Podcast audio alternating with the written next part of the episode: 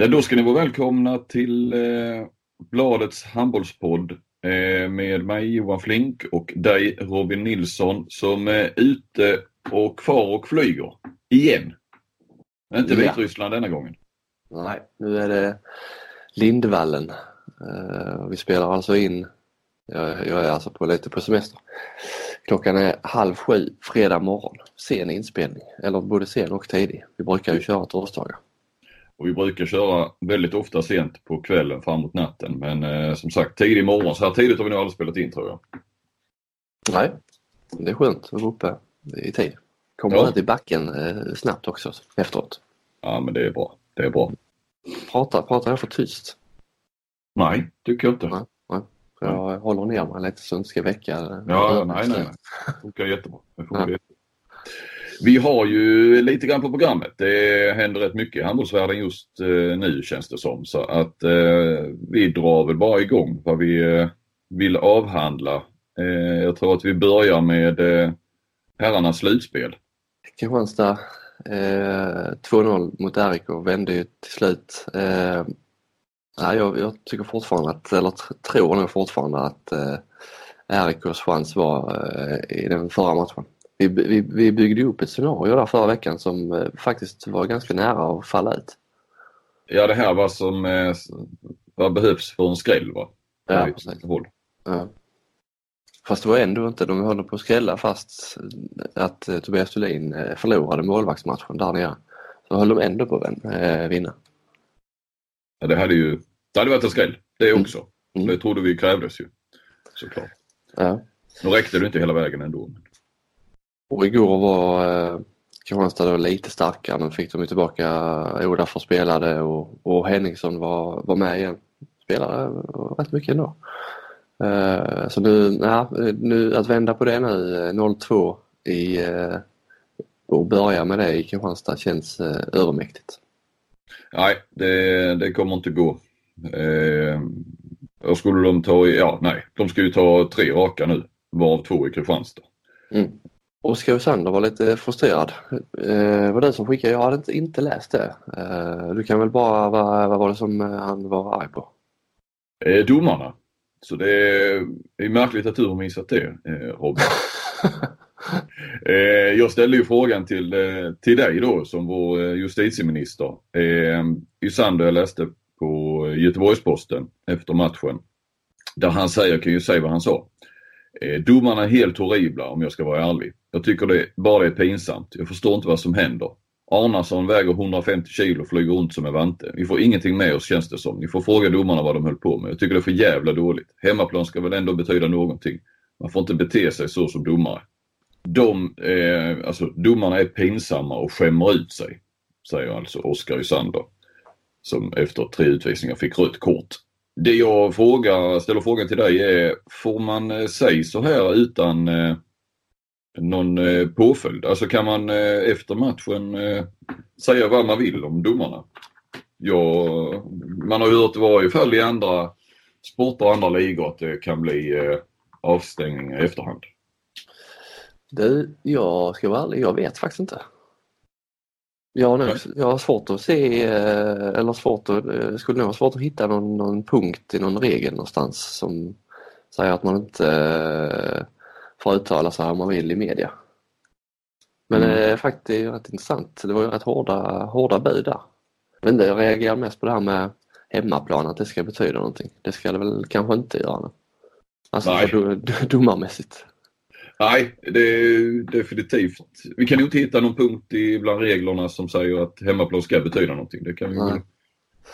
Sen gör det, gör det väl det ibland. Jag gissar att de eh, själva tyckte att eh, Kristianstads hemmaplan senast betydde en, en hel del med, med domarna. Mm.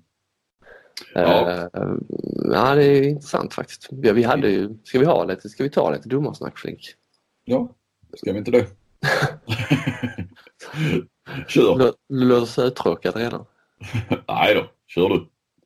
Nej men det var, vi hade ju en liten eh, ehm, Det blev lite domardiskussion både i Kristianstad och i Malmö kan man väl säga eh, efter i den första kvartsfinalen. Lite, jag skrev en krönika och pratade med Mäkinen i häromdagen. Ett, bra samtal faktiskt. högt i tak. Jag har faktiskt inte, inte läst eh, den eh, intervjun så du får gärna referera lite. Ja, nej men han menar ju att, jag, jag, jag tyckte det var märkligast av allt är ju, jag tyckte inte att domarinsatsen var speciellt bra varken i Kristianstad eller i, i Malmö första matchen och jag menar att det var en konstig tillsättning. Man hade eh, bröderna Smailagic och systrarna, eh, vad heter de nu, Benani va? Mm. Eh, aldrig dömt en kvartsfinal någon av dem. Eh, visst, sen tycker Mäkinen att eh, hur ska man då få rutin om man aldrig dömer? Eh, någon gång är den första annars blir det ett moment 22. Mm. Precis. Eh, men jag kanske, om man ska tänka lite mer taktiskt så hade man kanske satt eh, ett sånt domarpar då här, det står 2-0 i matcher och ja. något av lagen har varit liksom, eh, ja som nu, Kristianstad leder med 2-0 och är ju starkare. Det är ju, en sån match är ju kanske, på förhand känns det som en lättare match än en första kvartsfinal där, eh, ja du vet, lagen Absolut. ska statuera exempel. Hade han något svar på det då? Eh, nej men ja, den långa följdfrågan ställde jag aldrig. Nej, nej, nej. nej. Eh, jag, eh, men han, eh, bryr sig inte mycket om vad jag tycker. Det förstår jag. Det är inte hans jobb. Eh, och sen, eh, jag tror inte att eh, typ, ja det var ju både Vranjes och Sutta var ju vansinniga därefter och bråkade väl med både domare och med varandra. Mm. Men jag tror liksom inte Sutta kanske köper den, alltså från hans vinkel, hans perspektiv så är det inte så jävla spännande att uh, ha, ha en sån domarinsats i ryggen.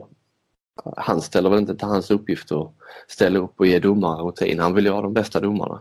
Mm. Uh, så ja, det var väl mest, mest det samtalet med Mäkinen handlade om kan man väl säga. Och så får klubbarna inför slutspelet nominera domare va? Vilka de tycker är bäst eller ranka dem på något vis? Eller? Ja, det var rätt kul faktiskt. De fick, eh, jag, vet, jag tror inte de fick ranka, eller jag tror inte de satte dem, uppdraget var inte att sätta dem i någon rangordning men man eh, skulle skriva upp eh, vilka sex domare man ville se i slutspelet. Det var rätt kul. Man vill, de listorna vill man ju gärna komma över. Ja. Men var det så att han inte var riktigt säker på ens om alla klubbar hade gjort det. Uh, han vill inte säga någonting om någonting men... Uh... Ja, jag såg bara någon, eh, för jag, har inte läst intervjun så jag har bara sett någon rubrik om den. Mm, jag tror det var han, den förra domarbasen som skrev det på Twitter. Han visste inte hur ah, Så var det kanske ja, då kanske jag, jag läste det. Ja. Men jag tror nog att alla har gjort det.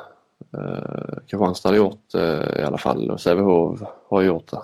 Ja, jag mm. tror nog alla har gjort det. Det lät så på märket. Mm. Nej, domarinsatsen igår det var ju ett mer rutinerat par. Eh, Mikael Johansson och Winberg. Och Sanders, ja man kan väl förstå honom också. När det, man får, tycker själv att man får ett par billiga utvisningar och så här. Nej men det, det, är ju klart att, att eh, vi vill ha, i vår roll vill vi ha känslor och, och så. Så att eh, ja, rent krasst så mig som eh, journalist har ju ingenting emot att folk säger vad de tycker och tänker. Att det blir sådana här utbrott. Va? Men eh, jag bara reflekterade över för jag vet att i andra ligor eh, så får man inte säga vad som helst. Jag tror till exempel, är det inte i hockeyn till exempel, eh, i SHL så tror jag sånt här kan rendera någon sorts eh, påföljd i varje fall. Men vi, vi slänger väl ut den frågan eh, kanske. Vi har ju lite lyssnare på eh, säkert men eh, domare eller förbundsfolk eller som sitter i någon nämnd eller sådär. Om det, om det, om det, det var intressant. Vi är inte ute efter att eh, Ysander ska åka dit, absolut inte. Men eh, det har varit intressant att höra om, eh, om man kan bli bestraffad i efterhand för vad man säger om domaren. Mm. Hade det varit Premier League så hade han ju blivit avstängd resten av slutspelet. Ja. ja. Där, där har de stenhårda. Ja. De andra, ja Sävehof Malmö såg vi ju, jag såg eh, andra halvlek kan man väl säga. Mm. Men det var ju, man hade ändå det på känn. De här lagen eh, känns som de kan slå varandra hemma och borta hela tiden. Eh, det gjorde de i grundserien också så att eh, vi, vi kan nog vänta oss fler bortasegrar. Mm. Men i varje fall har ju ja, Malmö har ju ändå tagit tillbaka initiativet om vi ska hänga upp oss kring det här med hemmaplan. Nu har de ju, nu, har de, nu är det ju liksom samma läge mm. som inför. Eh, på sätt och vis, även om det är bara tre matcher kvar då ju. Starkt också att vinna utan eh, Magnus Persson. Som, Som, ju, eh, Mm. är borta med hjärnskakning. Eh, men Brännberg är kvar i spel. Ja, han, där kan man ju tala om någonting och stänga av i efterhand. Det är ju rätt intressant. Det är två olika situationer. Ysander vansinnig verbalt. Brännbergers situation med Magnus Persson då, det var kvartsfinal 1 som han drämde till honom i huvudet helt. Eh, det var en situation som var ofattbar egentligen att han eh, ska in där och banka på, på huvudet. Eh, Magnus Persson är ju redan, det är redan två försvarare som har stoppat honom. Han står ju i princip stilla när Brännberg kommer in och ger honom en, en kyss i, ja men det är pannan eller vad det är. Men Mm. snyggt var det inte och är det något man kan titta på i, i efterhand, tittar man på de bilderna eh, så ja, jag har jävligt svårt att se att det skulle vara eh, en olyckshändelse. kan man eh, åka dit för sånt i efterhand? Nej? Eh, jag tror inte det faktiskt. Eh, eller ja, jag är 99% säker på att man inte kan det. Eh, med, med tv-bilder så, jag kommer ihåg för några år sedan hade man en diskussion om det. Eh, om man kunde använda sig av tv-bilder i efterhand. Jag tror det gällde, eh, just då gällde det nog de här sista sekunderna där med om det var mål eller inte. Men, eh, eh, jag är ganska säker på att det inte går. Nu, döms, eller nu visas ju alla matcher på tv så att eh, skulle ju, det, det är ju, fin- möjligheten finns ju men eh, det eh, använder man sig inte av. Nej. Men eh, då har du kanske inte sett den smällen? Jag har inte sett det. Nej, du kanske hörde det av min reaktion. Jag har faktiskt inte sett det. Nej. Nej. Jag har missat den. Ja, mm. Nej, och det var ju också eh, det, jag, jag kan förstå domarna, alltså det är jäkligt svårt att se i stridens hetta där men eh, att inte, för Brännberg blev inte ens utvisad. Eh, utan ja, de tog en utvisning men de tog den på Sunnefelt i samma situation där och han gjorde ju ingenting. Och sen var det ju istället fick ju eh, Blickhammar fick ju eh, tre utvisningar, rött kort där i den första matchen. Eh, tveksamt, i alla fall den sista var ju mycket tveksam. Så de, Malmö tappar ju både Magnus Persson och Blickhammar där i två situationer, två, två domslut som gick åt helt fel håll. Eh, Så jag tror att det kan ha varit, eh, spelat en riktigt stor roll i det första mötet. Nu kanske Magnus kommer tillbaka och Blickhammar och så, så att eh, det talar väl för Malmö tycker jag i längden ändå. Men Brännberger, mm, han eh, borde inte spela, han borde varit avstängd. Mm. Och så jag, köper, jag fattar, jag köper inte det. Men det är så lätt att komma undan med det här att det är olyckshändelse hit och olyckshändelse dit. Och, eh, man kan säga vad man vill om, om, om att det är en stökig situation med många spelare framför så här, men man går inte in och, i en sån situation med... Han vet ju var han har sina händer. Mm.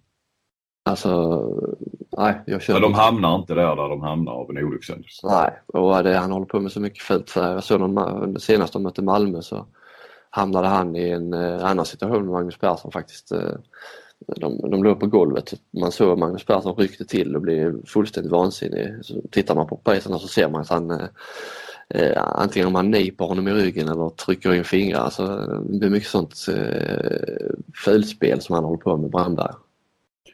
Det På, har, fulspel kan man göra men det, är så på låg nivå. ja.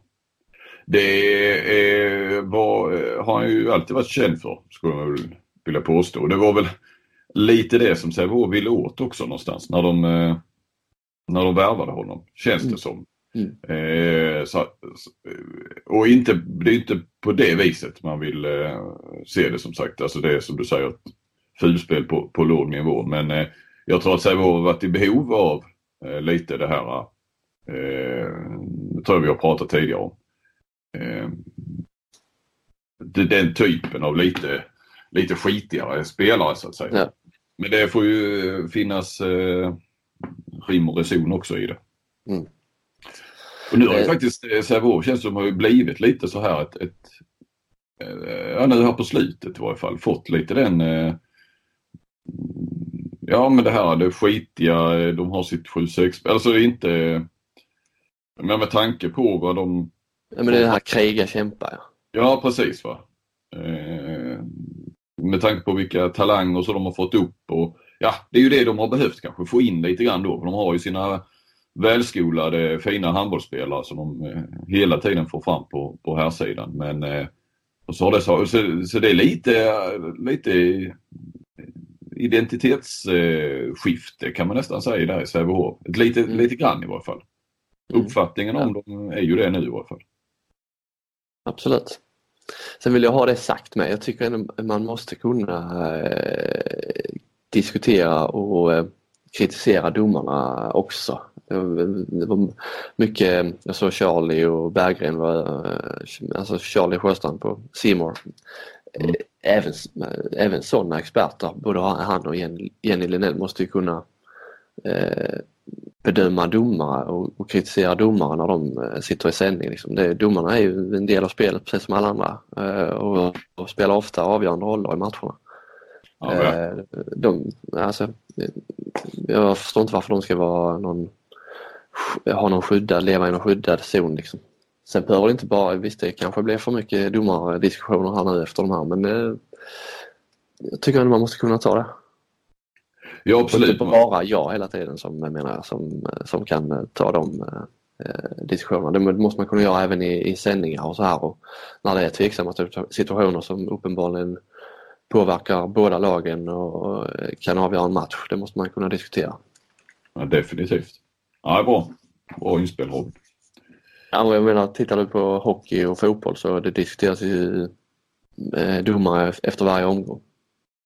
Ja, ja. Men Hammarby har blivit lite så, ah, vi ska helst inte prata om domarna. Det, det, det Nej, ja, lite tradigt, skydda dem, eh, lite vår, vår, vår fina sport och lite sådär. Kanske inte tål en eh, diskussion. Alltså det blir lite det här lilla, lilla sporten som eh, man ska hålla om, Ja, omhulda och så för att eh, den är ju inte så stor och, och eh, ja, liksom tål inte en granskning ungefär om vi nu ska hårdra det lite grann. Mm. Så, då lämnar vi domardiskussionerna för den här gången. Förmodligen gör vi det för den här gången. Ja men ska vi hålla oss lite kring eh, handbollsligan? Mm. Eh, det har hänt, de senaste dagarna har det hänt lite grann på eh, tränarfronten. Det får man verkligen säga. Vi hade först, eh, fick Sivertsson, eh, ja, blev dumpad, eh, får inte förlängt i Ove Helsingborg trots att han tog upp dem andra gången på tre år här nu. Eh, och ville vara kvar men eh, får alltså inte det och istället så får man väl lov att de tar in en, det är väl en skräll, Christer Lindgren. Eh, som alltså eh, ska till Helsingborg på söndag för kval till division 3 då hans Trelleborg ligger i tvåan och ska kvala mot Ove Helsingborgs B-lag. Som kommer underifrån då. Eh, de kvalar för, Trelleborg kvalar ju då för att vara kvar i tvåan. Eh, det är ju rätt hyfsat kliv att gå eh, från. Och jag har ju skrivit lite grann om det här och jag har genomgående kallat honom en doldis. Det är han ju definitivt för Sportbladets läsare i, vanliga läsare. Men mm. känns ju så även i, ja, numera i handbollen. Sen så var han tränare i IFK Ystad ett par år, eh, här från tio år sedan ungefär. Eh, sen har han varit i, i där, han har faktiskt varit i Skjern. Han tog över där när eh, Kosovak eh, Kos eh, fick gå där. Det var mitt i säsongen. Eh, men det är en del år sedan och det var inte Skjern riktigt, riktigt. Det var ju, jag tror att de låg någon femma i ligan. Jag kommer faktiskt inte ihåg riktigt vad de blev. Men de är inte vad Skjern är idag. Va? Men, och sen har han varit eh, Nordsjälland innan han kom hem till Sverige och sen så var han väl han var väl borta ett tag innan han tog Trelleborg och så. Va? Så att eh, visst, absolut flera år i, i högsta ligan i Danmark, Norge och Sverige men ingen av dem stora klubbarna och jag ska vara, jag får erkänna, jag hade väldigt dålig koll på honom. Eh, kände igen namnet och så men minns knappt att han var tränare i IFK Ystad. Nej, det gör inte jag heller. Nej. Eh, och det har ändå varit mitt under den, ja det har ju varit under den tiden eh, jag har skrivit om handboll. Mm. Så att, eh, ja, lite överraskande. Ja, och eh, jag vet Mats Engblom, eh, han har ju då varit med och, och tränat, eh, som jag förstod på Englund, som lät som att han hade pratat med spelare som Ekberg och Jim Gottfridsson och så här som han har eh, varit med och tagit fram. Det vet jag inte riktigt va? men han sa att han har varit väldigt omtyckt bland sina spelare. Eh, och, och, i pressmeddelandet så stod det nämnt de här namnen bland annat. Eh, som han då har tränat när de har varit unga. Sen så, så jag ska inte säga eh, om, om Gottfridsson och Ekberg har blivit kontaktade av OB, det vet jag inte. Men, eh, sen så tycker jag ändå på Twitter har man också sett lite, lite andra reaktioner. Liksom. Bara, eh, vad håller de på med och så vidare. Eh, OB Helsingborg. Eh, så att den var väl, eh, ja Ja, det blir ju onekligen intressant att se. Och sen så igår så fick eh, Kenneth Andersson, IFK Ystad. Eh, ja, han fick väl inte sparken. Jo, det fick han. Jo, fick han. han hade ju ett år kvar ju. Mm. På sitt kontrakt. Skulle säga ännu eh, mer oväntat. Ja, det är det ju verkligen.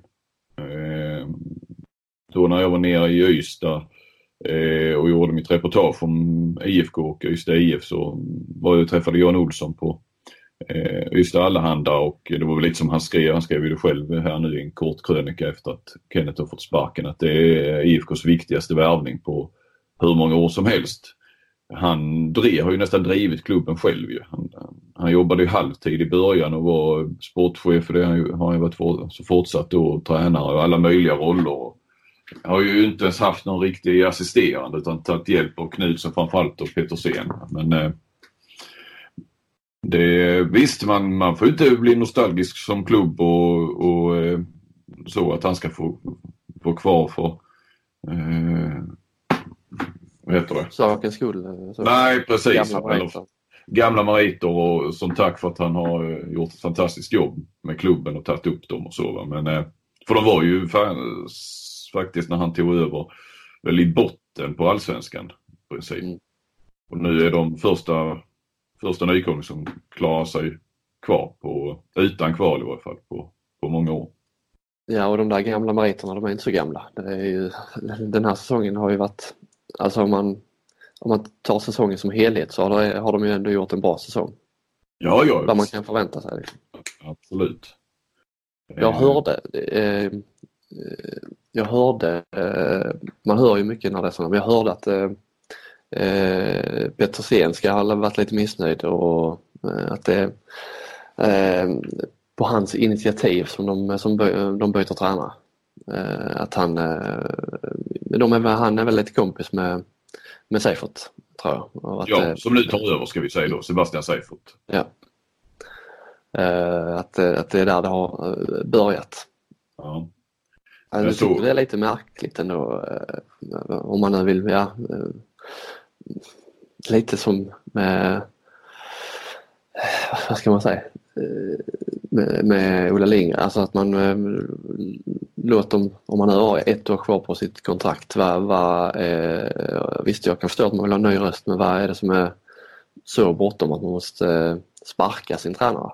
Alltså det är uppenbarligen inget större eh, problem med Kenneth. Nej, nej. Hey, I'm Ryan Reynolds. Recently, I asked Mint Mobile's legal team if big wireless companies are allowed to raise prices due to inflation. They said yes. And then when I asked if raising prices technically violates those onerous two year contracts, they said, What the f are you talking about, you insane Hollywood ass?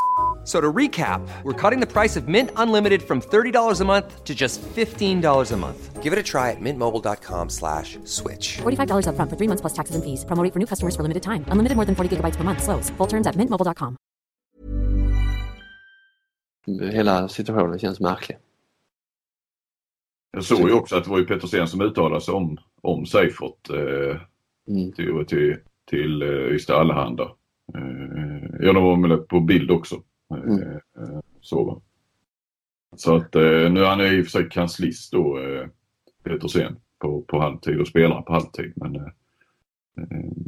det var väl också lite märkligt att att ja, men, ja men det förstärker ju det. det måste ju vara så. Varför uttalar han sig annars om, om Seifert? Eller jag bara, all, hela situationen känns så Eh, ja, det känns som att eh, Peter har haft eh, stor makt i det här beslutet. Ja, å, å andra sidan så är det ju, det är ju ingen sportchef och det har ju Kenneth också varit. Så jag vet inte, det skulle väl vara ordförande som står med Seifert i så fall. Kan man ju tycka. Eh, möjligt att inte han fanns tillgänglig i Ystad då med så eh, kort varsel. Det verkar ha gått rätt snabbt det hela ändå. Mm. Eh, jag hörde om ett, att de hade ett spelarmöte kvällen innan, alltså i onsdags. Mm. Eh, sen hörde jag någonting också, nu ska man ta det för vad det är, va? men att, att det har väl funnits kanske lite tryck från sponsorer och så också. Eh, om någon förändring. Jag vet inte. Men, eh, nej, den är... samma som det var i Kristianstad med, med Kenneth. Det fanns tryck från sponsorer då också. Ja. Nu tror vi väl inte att eh, IFK Ystad går samma fina framtid till möte som IFK Kristianstad.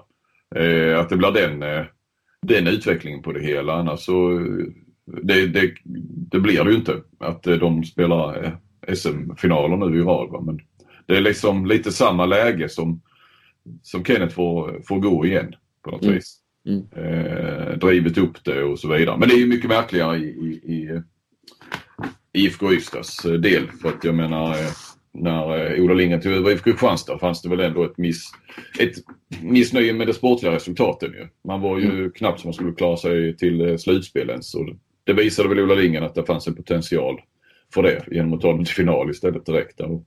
Ja, och det var ju ett, då bytte man Kenneth mot ett eh, större, mer etablerat tränarnamn. Eh, ja, som man äntligen då hade möjligheten att ta. ja, Som var ledig och som man kunde lösa. så är det väl inte riktigt här. Eh, jag har så här från sidan håller jag väl Kenneth som en eh, starkare tränare än vad, än vad de, det Seifert har, har visat. Mm. Eh, och Seifert tänker man ju, ja men det är ju Ystad IF, men eh, jag är ganska så säker på, utan att dubbelkolla det, att han är IFK från början tror jag. Ur den aspekten. Så eh, är det inget konstigt då. Eller det är ju inget konstigt i Ystad, de går ju mellan klubbarna där. Det är titt som tätt. Precis. Eh, de andra kvartsfinalerna spelas ju ikväll. Eh, Ja. Ystad, Alingsås och eh, vilken- Lugi Skövde, precis. Så de får vi väl eh, avvakta med lite. Eh, men det står ju 1-0 i matcher till, till Skövde och eh, Alingsås. Ja. Kan vi notera. Eh, noterar du att vi fick eh, första shootout? Mm, jag gjorde det. Jag hade, gärna velat se den. Mm. Jag har sett eh, de sista, jag har bara sett ett par. par Har du det? Vad härligt. Ja.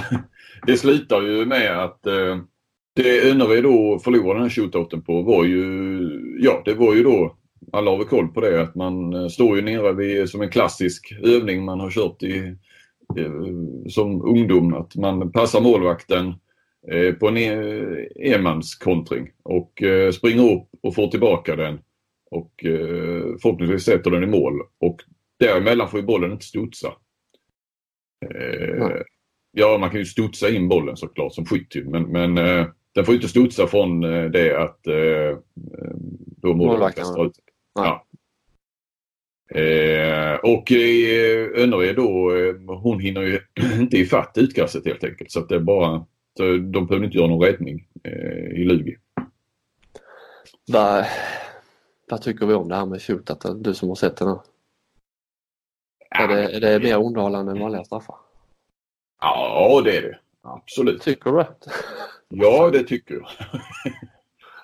eh, och, och så, det här är ju, nu är det ju, vad har det funnits? Ett par år i alla fall. Och eh, det är första gången vi, det har spelats i rätt så många slutspelsmatcher. Och detta är första gången det händer.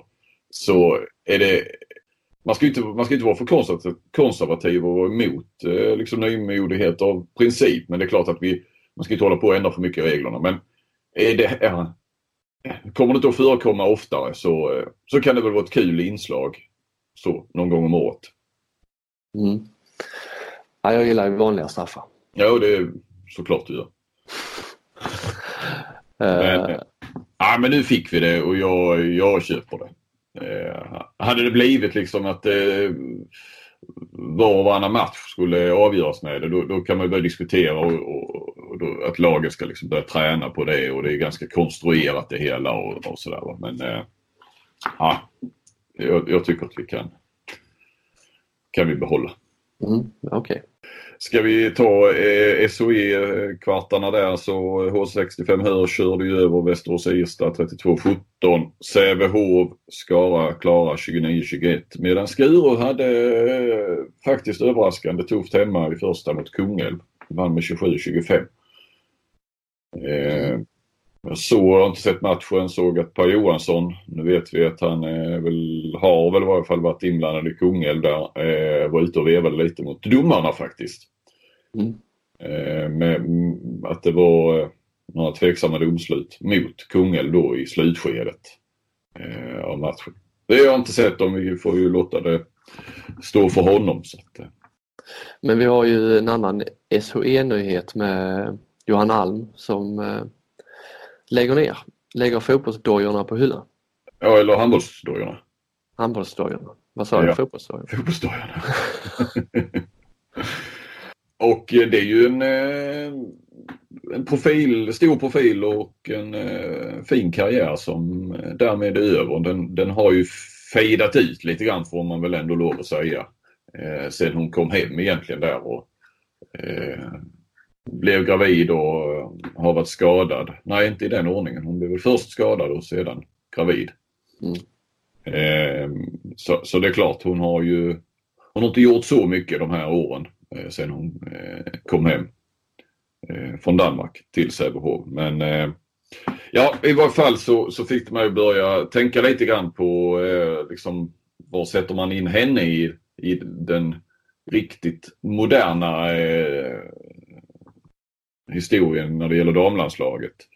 Eh, och det vill jag ju, då bollade jag lite grann med Per Johansson så jag kollade av med honom vilka som har betytt mest där när Sverige tog det här steget från, ja kan man säga steget upp i världseliten får man väl ändå lov att säga. Eh, när de blev eh, eh, ja, ett så här topp 6-lag, eh, de har inte alltid varit topp 6 men det är sådär en, en som nämns eh, av eh, omvärlden som, som medaljkandidat. Så, va? Det, det blev de ju egentligen. Det var ju en skräll ändå, eh, EM-silvret 2010. Då hade de, de blev sexa i hemma-EM 2006.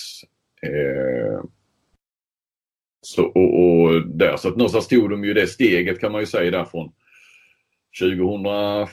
fyra, fem eller någonting och sen var det EM 2006 som tog sig till OS för första gången 2008 och sen silver 2010 och så därefter har det ju liksom, då har de ju varit en medaljkandidat. Så det, det är väl den där perioden någonstans eh, de åren eh, slutet av 10-talet från 05 till, till 10 då och sådär. Och eh, han nämner faktiskt då inte Johanna Alm riktigt. Eh, han, han menar att hon var viktig 2008 till 2010. Hon var ju inte med i EM 2010. Eh, men där då när de tog sig till OS till exempel och även i OS. Eh, men de han håller allra högst där som viktigast, eh, om man skulle ta ut tre stycken så det är Linnea Torstensson, Bella Guldén och Johanna Wiberg. Eh, lägger också till eh, Matilda Boson, Therese Helgesson eh, och Tina Flogman. Och sen är ju Alm med där lite grann också. Så hade du ju Marlene Grundström, hon heter Gustafsson nu, gift med gamla linjespelaren Mattias Gustafsson i, i målet. Där är de första de här åren. Just Eh, Så det är eh, li- lite så. Men eh, ja, där har du väl ungefär dem. Och det, per är ju, det är ju verkligen inifrån va. Men där, där har du några viktiga, såklart både kulturbärare och, och även på plan viktiga. Hur de, Mm. Eh, Där lite, lite ligan blev framförallt lite tunnare utan eh, Johan Alm. Det känns som hon har varit eh, under hela min eh, handbollsuppväxt. Det känns som att Johan Alm har varit med. Hon är inte så gammal men hon känns som att hon har varit med hur länge som helst. Ja, ja, precis. Eh, ja, men så jag håller med dig liksom att, att eh, hon har ju nog också varit en av de som har synts mest i media och sen som sagt så spelar hon ju där i, i Danmark när den danska ligan får man väl nästan lov att säga stod på topp. Eh, så var hon ju ett av de, av de större svenska namnen. Mm. Eh, det var väl i Viborg hon var till exempel va? och vann väl Champions League tror jag. Ja, den var väl lite på tunn, tunn is. Men det är jag ganska säker på om det var final eller det var guld också. Jag tror nästan hon var med och vann guld. Ja, sorry Johanna att jag inte har det.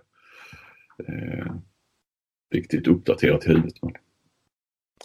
Eh, något som du har om vi byter till, eh, om vi lämnar eh, ligorna. Mm. som jag vet att du har uppdaterat i huvudet är ju att eh, Sverige har fått en ny förbundskapten. Eh, Glenn Solberg har du varit inne på eh, eh, inför också att han var ett av alternativen. Nu är det klart. Eh, jag vet inte, jag kan inte säga så mycket om honom. Men eh, du kan väl, eh, inte du heller gissar jag, men eh, första spontana reaktionen när, när det blir klart.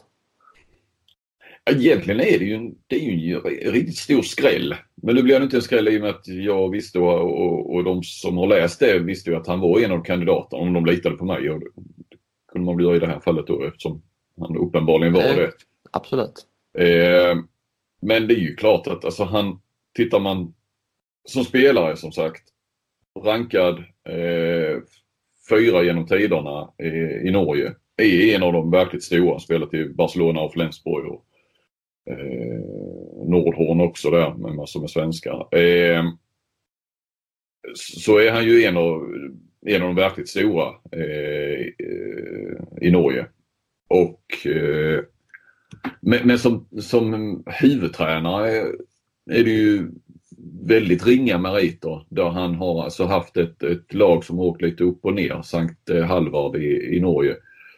Som han tog över och eh, så tog han upp dem och då, jag tror de tog fyra poäng eller någonting i högsta ligan och åkte ur och sen har de legat i toppen.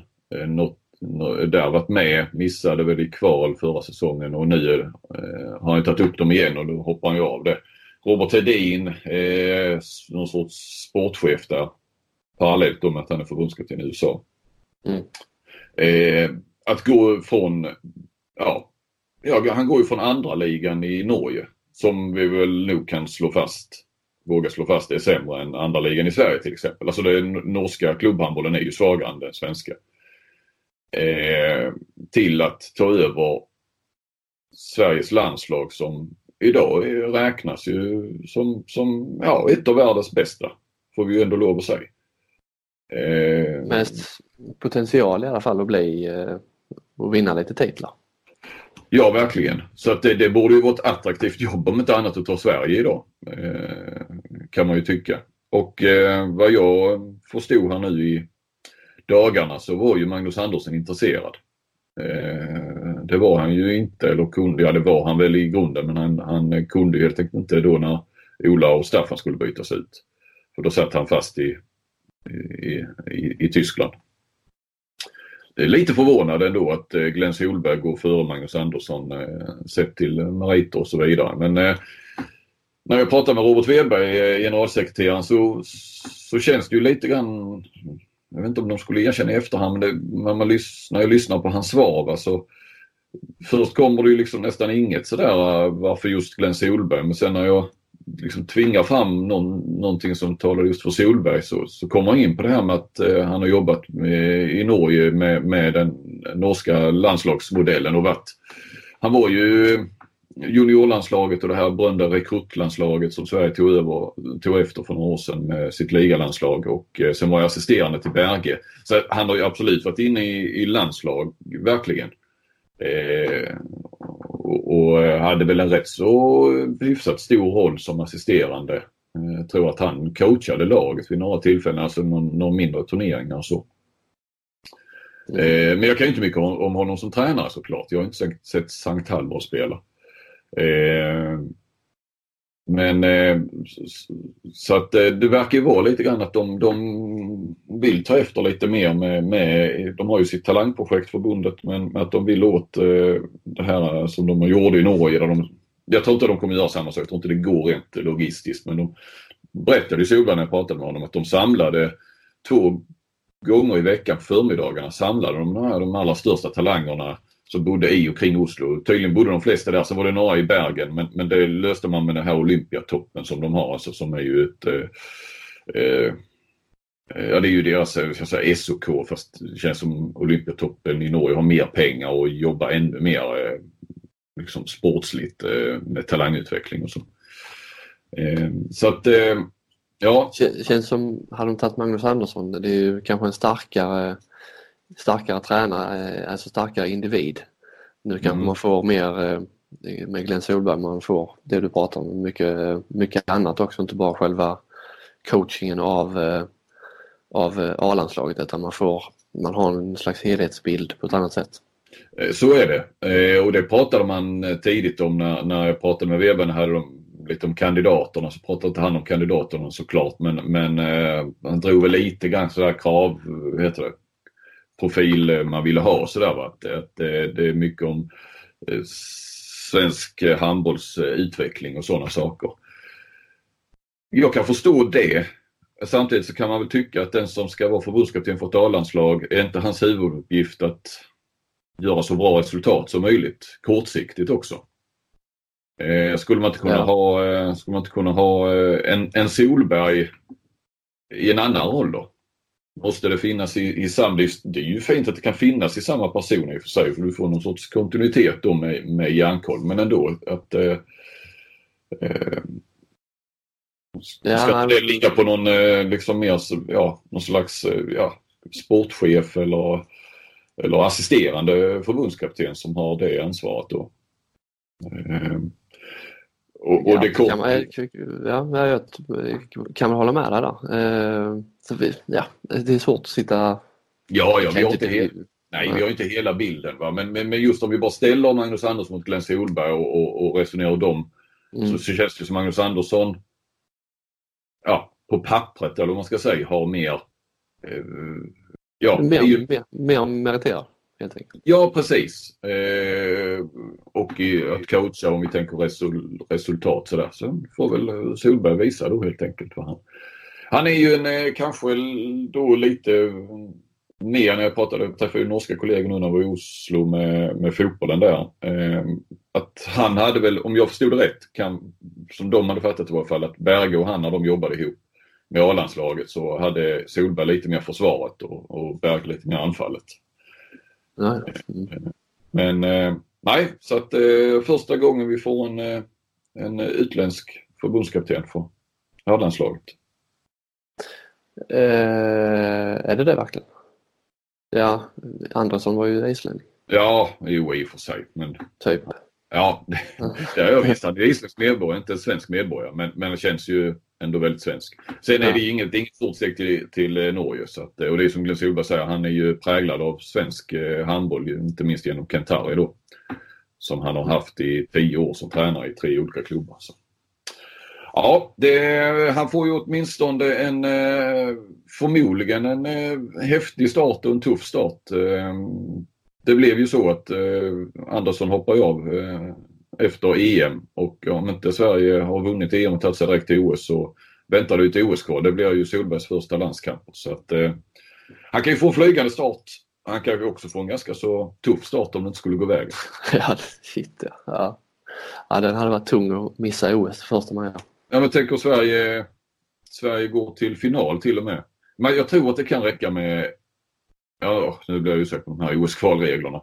Men om rätt land så att säga vinner eh, EM så kan väl Sverige kanske ta en plats eh, som eh, silvermedaljör i sitt eget EM. Men, men säg att det inte är rätt land som vinner. Tänk säg att man går till en final. Andersson tar dem till en final. De förlorar den. De tar inte någon OS-plats, direktplats, utan ska kvala. Och Solberg tar över. Sverige gör en svag insats. Går inte till OS. Mm. Den, eh, men det, det scenariot ska vi inte måla upp. Nej, helst inte.